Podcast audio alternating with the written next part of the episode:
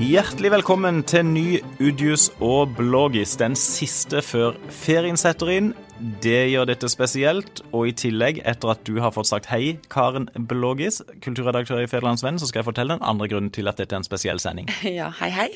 Velkommen til deg. Mitt navn er Vidar Udius, politisk redaktør i Federlandsvennen, og den andre grunnen til at dette er en spesiell sending, er gjesten vi har med, Odd Inge Uleberg, journalist i Fevennen. Velkommen.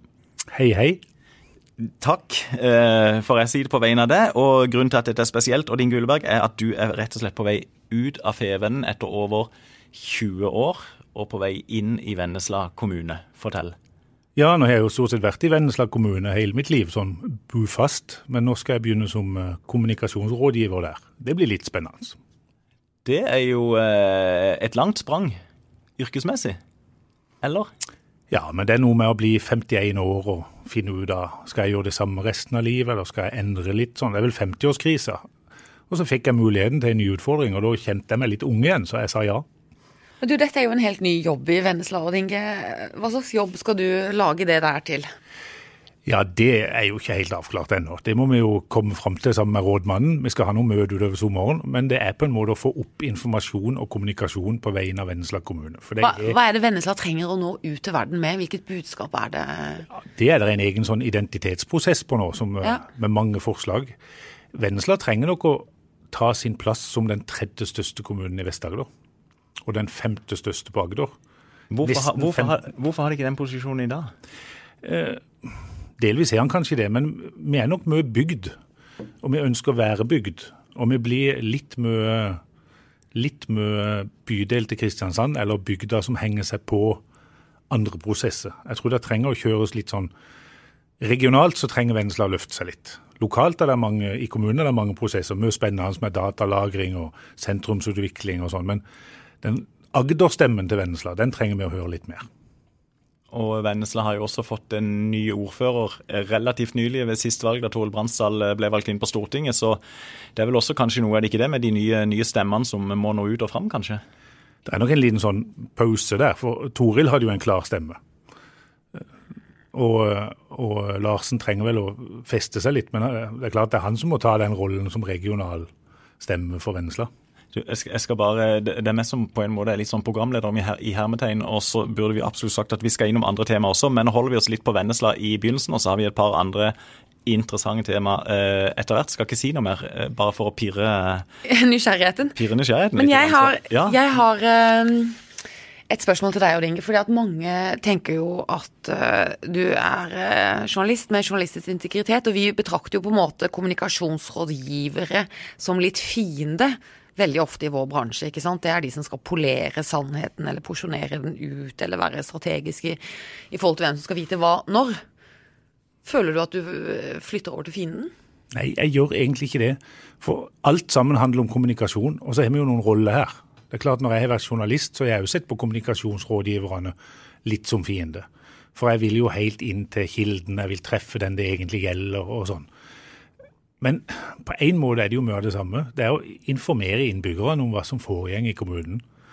Både på godt og på vondt. Men alle, det, det er veldig mange lesere som kjenner deg, og Inge kjenner både ditt navn. Det er veldig mange aktører som kjenner deg også personlig i landsdelen. og mange av ø, oss som kjenner deg, vi tenker at du kommer også til å gå inn der med dine sterke meninger i forhold til altså utviklinga av Vennesla.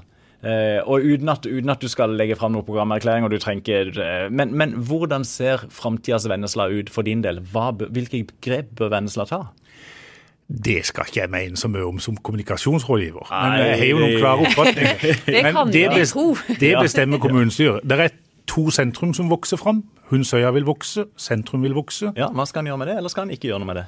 Det, jo, det, vil jo vokse uansett hvor du putter et kjøpesenter. Så uh, En utfordring er, og det begynner jo med nå, å regulere ei bru og få bundet dette sammen. Datalagring er spennende. Venneslas plass rundt Kristiansand er spennende. Uh, hva skjer med kommunesammenslåing? Det er spennende. Der er det en veldig delt mening i bygda, tror jeg. Sånn, Bor du nederst i Vennesla, så er du kanskje litt mer åpen. Bor du i Øvre Bør Hægeland, så er du mer mot. De vil kanskje mot Evje hvis det kommer en ny Så, så det er jo sånne spenninger. Og det kan jo en kommunikasjonsrådgiver informere om. lage på. Det blir nesten likt som en journalist. Men det blir nok kanskje ikke så konfliktorientert. Hva, hva, er, hva er, For alle som ikke bor i Vennesla, hva er det beste ved Vennesla? Det tror jeg er det beste og verste med Vennesla er bygdeprofilen. For vi henger i hop, vi er glad i hverandre, vi har identitet. Men så er det òg det negative med bygda, selvfølgelig. At det, det, kan bli litt klamt og litt tett og litt lite lov å være annerledes. Er det litt sånn i Vennesla som det er i noen andre bygder eller litt mindre samfunn, at det går et skille ved de som er religiøse og de som ikke er det? Det er jo et veldig sterkt eh, religiøst miljø i Vennesla. Ja, og det var nok tydeligere før. Generasjonen før oss, som nå er 50. Men eh, Vennesla er jo litt annerledes, for det er jo en sånn meltingpot, som jeg sier om USA. Mm. Altså, Hvis du går tilbake til 1870, så burde det være 1200 innbyggere i Vennesla. Mm. Og på tre-fire tiår så kom fabrikkene, så kom jernbanen, så kom altså enorm utvikling. Og plutselig var det 5000 fra Tyskland og Sverige og Italia. og Mange andre steder i Norge? Ja, sånn typisk sånn som mm. industrisamfunnene ja. har utvikla seg. Svensker, Tambini og Libbermann og Reber og alle de kjente familiene. Uleberg. Kom fra Evje. Uleberg. Ja, kom fra Evje. Ja. Eller Hornes. Horne, nå blir det gale lyttere her fra Hornes. Ja. Uh, og det er jo, det er jo, det er jo egentlig, egentlig er Vennesla et ekstremt godt eksempel på god integrering. Men du, den dialekten som uh, summen av alle disse menneskene har skapt, hvor er den, uh, var den i Vennesla på en måte når Vennesla ble til? Eller er det en blandings av alle de dialektene som folk har tatt med seg? Det vet ikke jeg helt, men hvis du spør Martin Skjekkeland, så er det ikke så veldig lenge siden alle rulla på r-en på Agder. Nei. Eh, Henrik Wergeland rulla vel på R-en, til meg i Kristiansand, ja. når han ble født her. Så Skar-r-en har jo spredt seg og spredt seg. og det var nok en sånn indre Agder-dialekt, jeg vet ikke med Vennesla, men det er jo et veldig artig eksempel på at du kommer fra hele verden, Sverige, Danmark, Italia, rundt forbi, og så skaper du den felles identiteten. For er det noe Vennesla er kjent for, så er det jo at vendølene er stolte av å være fra Vennesla. Mm.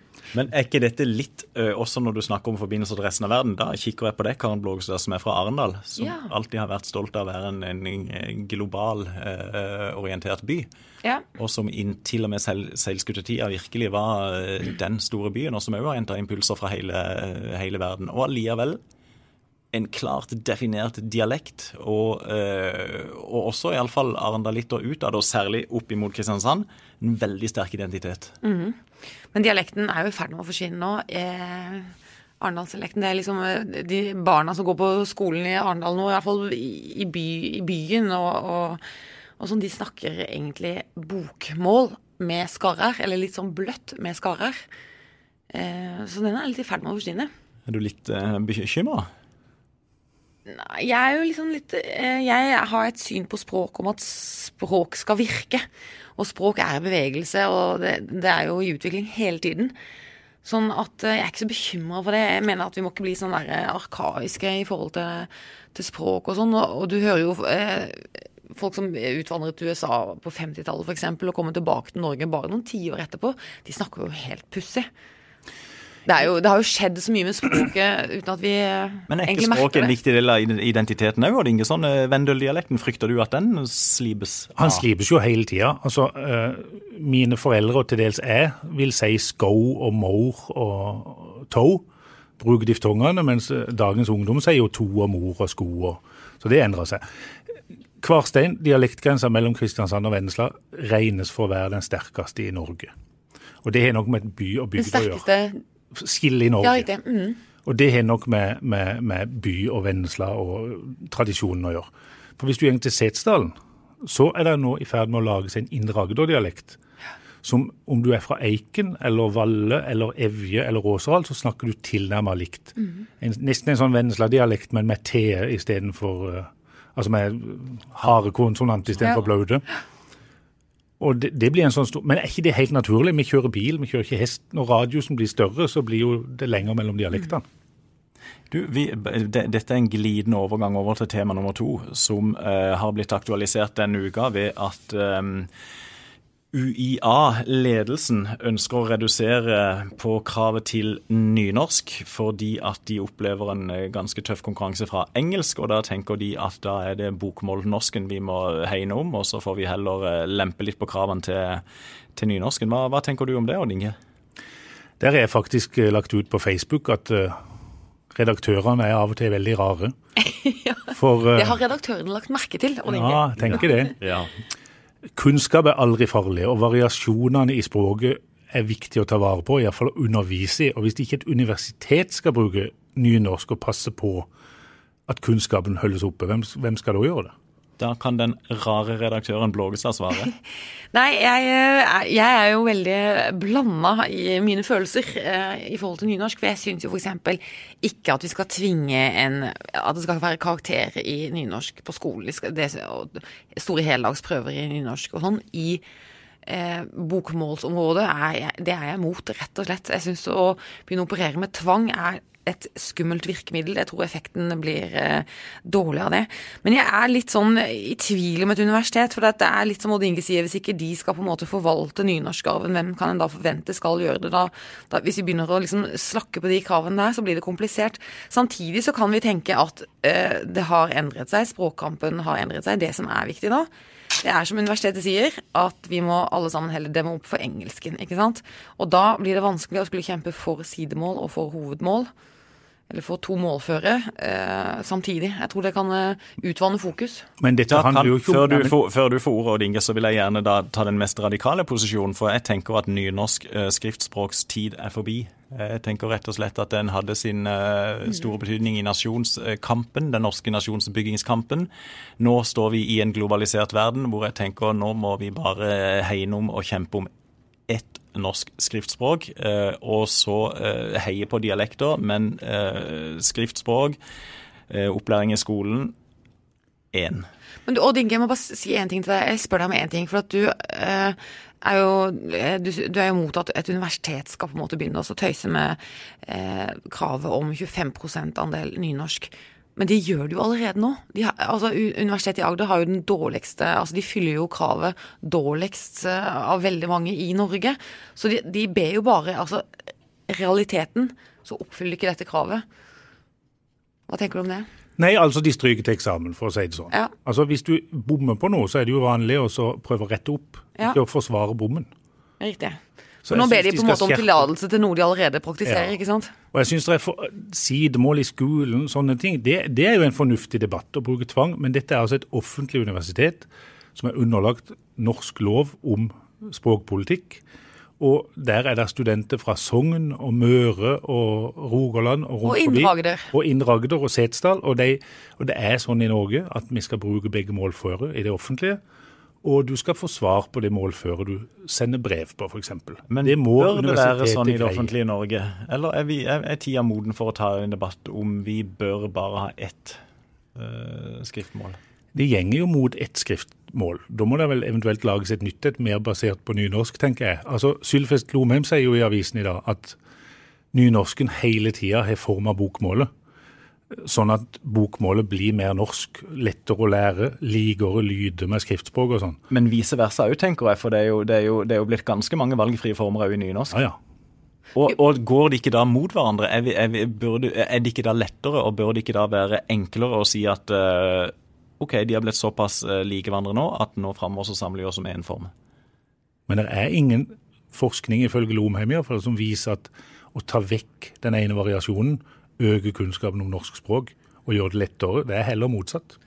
Og, og det, der, der eh, Jeg har enormt stor respekt for Sylfest Lomheim, men der eh, tillater jeg meg å være uenig. Jeg kan ikke begripe at de som sliter med eh, norsk grammatikk, rettskrivning i det hele tatt på skolen, at de blir bedre ved at de også må lære seg nynorsk. Men eh, det forfekter jo Mållaget også veldig sterkt, at eh, lærer du språk, så blir du flinkere i språk. Rett og slett så enkelt. Men Vidar, gjør det deg ingenting om nynorsken forsvinner?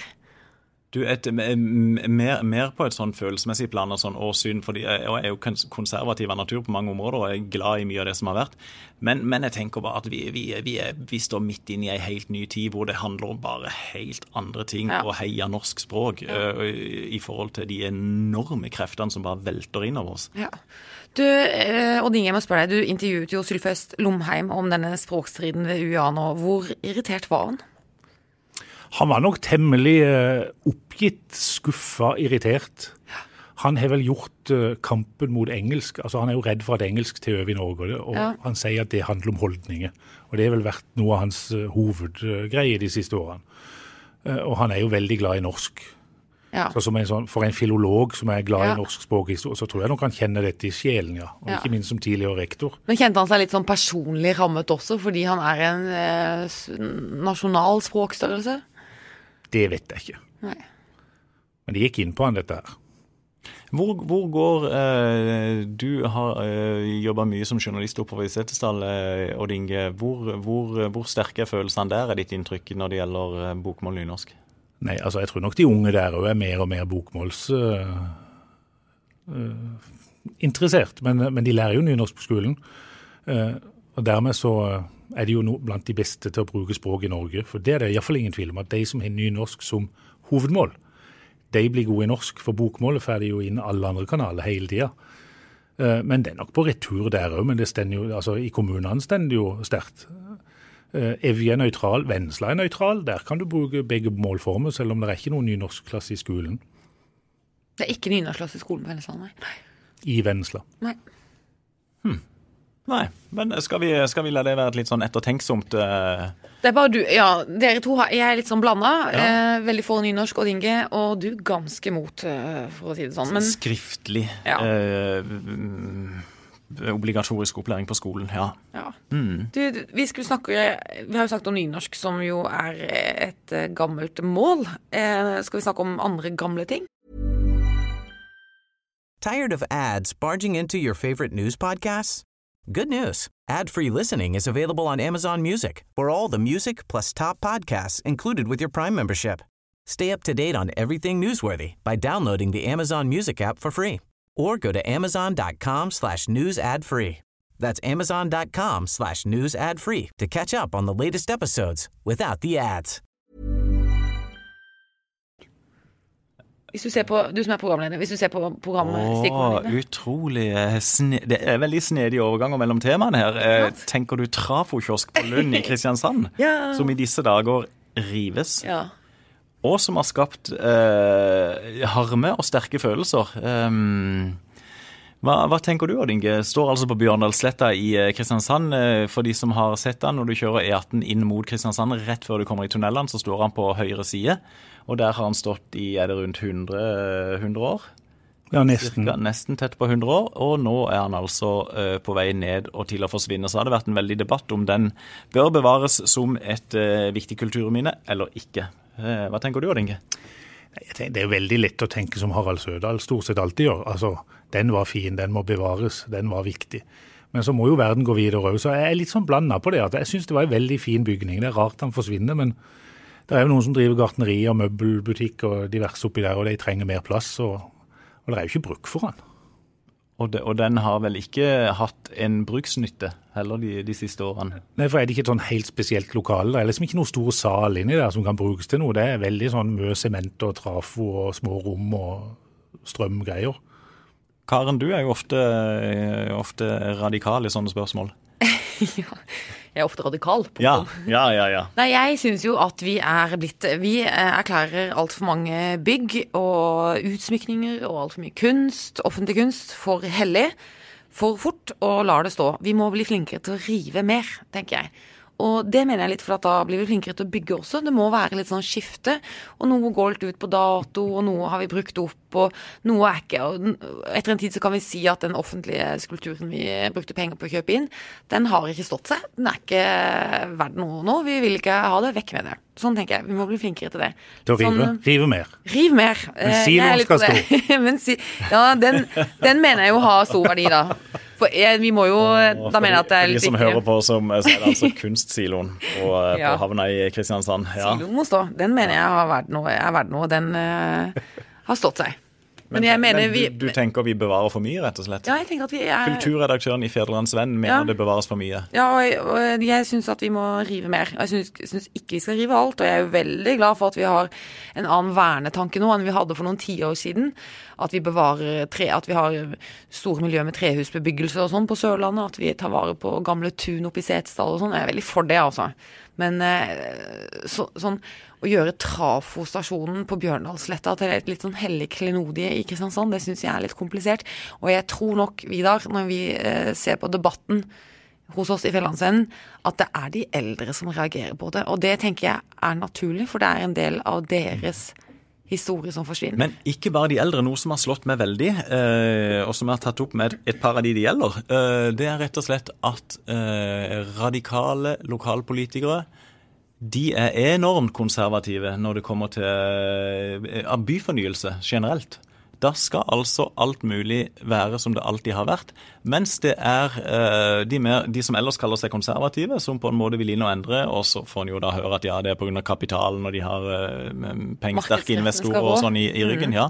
Men det, det, forundrer meg, altså. Hvis jeg snakker om fasadeendring og sånn i Kvadraturen, så er det stort sett fra venstresida, skråstrek ytre venstre, at de sterkeste protestene kommer mot, mot uh, endringer. Det er en tanke jeg har gjort meg. Men det er jo fordi, som du sier, at de, er, at de mener at man gjør et knefall for entreprenørene og Ja, men allikevel, det, å, det å på en måte òg skulle, skulle, eh, nærmest på død og liv bevare eh, alle fasader eh, som de alltid har vært, det syns jeg er pussig at kommer fra, fra den sida. Men ja. hva, hva, tenker du, Jon Inge? Nei, jeg tenker Det er litt noen paradokser der. for Nå er det jo i stor grad kanskje en del kapital som er bygd av kjøpmannsbyene på Sørlandet. og Mange av de fasadene som da vil vernes, var jo kanskje mye mer uttrykk for storkapital og klasseskille enn en det som reises nå. Eh, jeg hadde tenkt på noe helt annet. Jeg hadde tenkt på stakkars Riksantikvaren i 2300 som skal ta diskusjonen om Sørlandssenteret må bevares. Ja, ikke sant? ja. Men det er jo sånn. Ja. Tenker du etter at netthandelen har gjort det? Tatt overalt, ja. ja. Mm -hmm. Nei, men det, det, er jo et spørsmål hvor en setter grenser. Sånn. Men, men, Karen, du, du, tenker på en måte da at våre hvite sørlandsbebyggelser de, de, skal bli stående? Ja, vi må jo ta vare på miljøer og viktige bygg fra ulike tidsepoker. Det mener jeg vi skal gjøre. Men eh, jeg mener også at vi er eh, for kjapt eh, gjør ting hellige og biter av historien for hellige, og at det blir vanskelig å rive ting. Og det som skjer da, er jo at det blir så vanskelig å bygge ting også, for da bygger du for bestandigheten og for all evig, og da blir liksom det veldig komplisert. Vi må Bygge, rive, bygge, rive, bygge, rive. Det tenker jeg. Og Noe denne byen har vært litt for dårlig til, er jo fornyelse. For, for mange år siden laget jeg en reportasje i Stavanger. Eh, I trehusbebyggelsen der. Når noe brenner eller rives ned, så bygger de opp i en helt sånn der modernistisk stil. Mens i Kristiansand har det vært en tendens til å kopiere, og det er det verste av alt. Det er kopier av noe gammelt. Og så, og så, er det jo sånn alle ting i sin tid. ikke sant? Vi syns jo det er så hyggelig med de gamle små matroshusene på Sørlandet med bitte små stuer og lavt under taket, at det er superhyggelig, da. Men eh, folk flyttet jo derfra i hine hårde dager med stor lettelse, ikke sant. Det var smått og trangt og skittent og vanskelig å holde rent, og det var kaggedo i bakgården, og, og det bodde jo 80-40 mennesker der, ikke sant. Det var jo I tillegg lå de nærme sjøen som var rått og fuktig og kaldt og fælt. Ja, ikke sant? Så det er jo Det romantiserer vi i dag, ikke sant. Mm. Og når Trafo-stasjonen ble bygd, så kan det jo hende at noen protesterte veldig på det. At det var en voldsom, brutal murkoloss å ha midt i alt dette i denne grønne engen. Det kan jo hende at det var det. Sånn Men du, du tenker òg, for vi har jo også eksempler i, også i bykjerna i Kristiansand på, på, brutale murkolosser som ble bygd på 50-tallet, fordi det var billig og effektivt og husa mange folk. De bør etter hvert også da bevares, tenker du, som et uttrykk for den tidsepoken? Noe av det bør bevares, ja, fordi det er et historisk viktig dokument. Det er jo brutalismen, f.eks., som du snakker om. Det var jo en kamp om eh, gamle Agder Teater, om det skulle bevares, ikke sant. For det mener jo mange at det ikke er et veldig fint bygg, for det er jo ikke kos og mose, ikke sant. Det er ikke trehus og sånn og sånn. Men det mener jeg f.eks. er et viktig bygg å bevare. Det syns jeg er et, et, et, historisk viktig sted for Kristiansand. Det er vel noen som snakker sånn om tinghus òg nå? Etter ja, at det var i ti år var helt hata, så er vel det vel sånn. Og det er uttrykk for si tid. Det mm. bør stå. Mm. Nei, det synger, pendelen synger. Men vi må ha all tid representert, det tenker jeg. Men vi må ikke ta vare på alt, og da kommer vi ikke videre. Mangfold. Mangfold. Altså Overgangen mellom temaene her i dag jeg bare gir meg ende over. Men jeg legger merke til at det er ikke programlederne som står for de. jeg hadde den første, følte jeg. Ja, det hadde du vel. Ja, jeg lurer på det. Ja, ja. Skal bare notere det. Og så satte du oss veldig elegant i gang.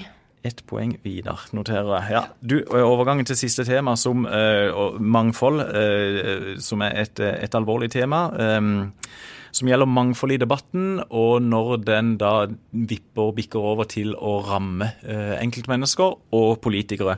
Denne uka så fortalte vi historien i Federlandsvennen om at Marnardals ordfører Helge Sandåker han gir seg eh, med all lokalpolitikk pga. hets han ble utsatt for på eh, nettet særlig i forbindelse med kommunesammenslåingsdebatten. Marnardal ble jo sånn sett tvunget sammen med Lindesnes og Mandal. Eh, og nå sier Sandåker, som er en gammel rev i politikken, at eh, nok er nok. Dette eh, orker han ikke lenger. Odd Inge, du har vært journalist i mange år på politikken, lokalpolitikken. Eh, nå skal du som sagt over på, på, på kommunesida og jobbe tett med de folkevalgte. Hvor, hvor, går grensa for, for kritikk, tøff kritikk, sjikane? Det vet jeg ikke helt, men uh, det er noen spennende ting her. for Bygdepolitikere som Sandåker har alltid vært vant til å tåle mye mer kritikk enn politikere i større byer. Hvorfor det? Fordi de møter velgerne på butikken og på gata. og de møter, Tenk deg å bo i Vall og være ordfører med 1000 innbyggere. Du treffer de hele tida, og du får kjeft hele tida. Og det har Sandåker takla greit. Og jeg tror egentlig kanskje han hadde takla dette òg greit hvis han hadde en kjempe mulighet til å bli ny ordfører i Mandal, så kan det være han hadde tenkt litt annerledes. Men nå er det vel han sin eh, Nå har han lyst til å gi seg. Men samtidig så er det jo en helt ny virkelighet, og det, det må media òg Nå, nå skal jeg snart ut av media, men det er jo noe rart i vår tid med alle disse dustene som får lov å si absolutt hva de vil på Facebook og i kommentarfelt i aviser uten at det begrunnes, uten at det dokumenteres. Det er jo bare det er jo ren, ja, ren sjikane eller rene oppgulp uten som ikke er definert i noe faktum. og Det, det hadde vært gøy hvis PFU så på noen kommentarinnlegg på nettsidene. for Avisen for eksempel, er jo ansvarlig for alt som trykkes. Pressens faglige utvalg, ja. Men, men, er ikke dette også en del av det moderne demokratiet, som også bringer demokratiet videre? At folk som, som da har sterke synspunkter, til dels ytterliggående, at de får lov til å lufte de? Jo, det, vi kan jo ikke sensurere på én måte folk, men vi kan redigere, iallfall i media kan de redigere. Så Facebook uh, bør vel òg ta litt mer ansvar. Det er klart, altså Vi kan jo ikke ta pubdebatten fra klokka to på natta inn i spaltene i aviser og ut på nettet. Da, da endrer vi jo noe. Aren? Ja, nei, jeg syns jo den saken er ganske opprørende. Jeg syns det er eh, eh, Altså, jeg tenker det Norge trenger, og det distriktene trenger, og, og det det er gode, eh, ressurssterke folk som gidder å drive på med politikk. Jeg har altså så respekt for de folkene som gidder å bruke kveld etter kveld på å lese kjempekjedelige dokumenter, for å være ansvarlig for budsjetter i kommuner som stadig går Altså alt de gjør, alt de holder på med, jeg har så respekt for det. Og jeg mener det er så viktig at noen fortsatt gidder det, og jeg er så redd for at hvis det blir en så stor belastning å være det, så får vi politikere som ikke er så flinke, for de orker ikke være der eller holde på med det, eller de kaster bort tiden sin, og du skal sitte og styre, og så får du bare liksom kjeft hele tiden. Så jeg, jeg syns det, det, rett og slett er veldig dårlig gjort mot demokratiet. Det var en litt barnslig formulering, men det er rett og slett så enkelt, mener jeg. Det er helt enig i. Ja, Hva syns du, Vidar? Er ikke du Nei, på vegne av jeg, synes, og jeg, synes, eh, jeg skal ikke snakke på vegne av noen andre, men jeg syns, jeg syns også det er i denne konkrete saken da med, med Helge Sandåker, så syns jeg det er et paradoks at Eh, noen av de som har stått bak eh, harde angrep mot Helge Sandåker, de, de, de, gjør det fordi at de er så bekymra for lokaldemokratiet, altså i form av kommunesammenslåing. Eh, og så er jeg jo for Marnardals del litt redd for den backlashen, da, at ikke du får eh, gode, flinke, sterke marnardøler som vil stå på listene til partiene i nye Lindesnes kommune. Uh, og Nemlig. det trenger jo Marnardal i, i, høy grad å bli representert uh, inn der. Så uh, ja, jeg er ganske forundra, egentlig. På, ja, og så skulle jeg ønske at Marnardal selv tok litt et oppgjør med det, da. ikke sant? At det var mektige og kraftige stemmer der eh, som kunne gjøre Altså ta liksom vår rengjøring i den bygdekulturen som lar dette få slippe gjennom. Og det er jo ikke noe Nå er jo det tilfeldig at vi snakker om Marnardal, for dette er jo overalt, så det er jo ikke spesielt for Marnardal. Og det var en, en, en, en rapport nylig i Kommunal Rapport, eh, som Kommunal Rapport hadde gjennomført, som Uh, fortalte at tre av ti ordførere har opplevd trakassering eller trusler i denne perioden som vi nå er tre år inn i. Mm. Uh, og det er, det er, jo rett og slett alvorlig. Mm. Men Det går jo en linje her helt fra den amerikanske presidentvalgkampen og til Marnardal. Og til ropboligdebatten i Vennesla og Ropbolig, eh, rus og psykiatri. Rus og psykiatriboliger. Vi hadde jo på Flekkerøya, vi hadde de forrige valgkamp, for et par valgkamp til Kristiansand. Eh, det er noe med når den der uh, pene borgerligheten blir redd eller frykter noe, så, så, så får det noen sånn rare utslag. Uh, og Den gangen var jo ikke Facebook så mye når det var her i Kristiansand om sånne boliger. Men det var tøft allikevel. Og, og det er klart Jeg tror det verste for politikerne er hvis noen nær de blir veldig kritiske. Hvis det f.eks. er strid internt i partiet, hvis han sjikanerer seg folk i sitt eget parti. eh, Det andre er lettere å distansere seg fra. Men det er klart, kritikerne har fått en helt ny arena med alle de der oppgulpene. og det, det er klart det er slitsomt for dem. Men det er jo så sinnssykt smått. Her bor vi ikke sant, i et av verdens rikeste land med en av de lykkeligste befolkningene. Så er det så mye sinne der ute. Hvorfor er folk så sinte? Det er så mørkt. Og det er bare ilandsproblemer. Kommunesammenslåing. Folk får liksom salt i grøten og pølse på skiven. Kommunesammenslåing fremelsker altså så sinne. Jeg syns det er helt utrolig pussig. Jeg tror det handler veldig mye om frykt. Ja. Altså Det er jo noen av de samme mekanismene, sånn som Trump har spilt på. Det er frykt for muslimer, det er frykt for innvandrere, det er frykt for kommunen sin, det er frykt for jobben, det er frykt for framtida. Vi, vi har det best i hele verden. Ingen har hatt det så bra som på Sørlandet i Norge noensinne. Alt Og så er vi så misfornøyde. ja, alt det der sinnet der ute, det gjør meg ganske sint. Men alliavel til grunn for det eh, sinnet, eh, Karen Blågestad, så ligger det eh, en takknemlighet over at vi nettopp bor i det som Odd Inge sier. Ja, eh, ikke sant. Det beste landet, Ja. og vi har en fantastisk landsdel. Og nå går vi rett og slett inn i sommeren. Ja. Det er lystig. Odd Inge, du skal eh, jobbe i tre uker til før du da eh, forsvinner fra Federlandsvennen. Og eh, så skal du vel ha litt ferie før du begynner i Vennesla kommune? Da tar jeg en rund tur i Europa før jeg har- dumper ned i Vennesla kommune. I all verden. Med bil eller fly? Eller Ja, tog, begge deler. Fly og bil. Nede i Italia, som du er glad i. Åh, Men det kan jo være sommeren er over. Er du interessert i fotball, Odd Inge? Skal du stoppe og se fotball på sånn fotballpuben gjennom Europa?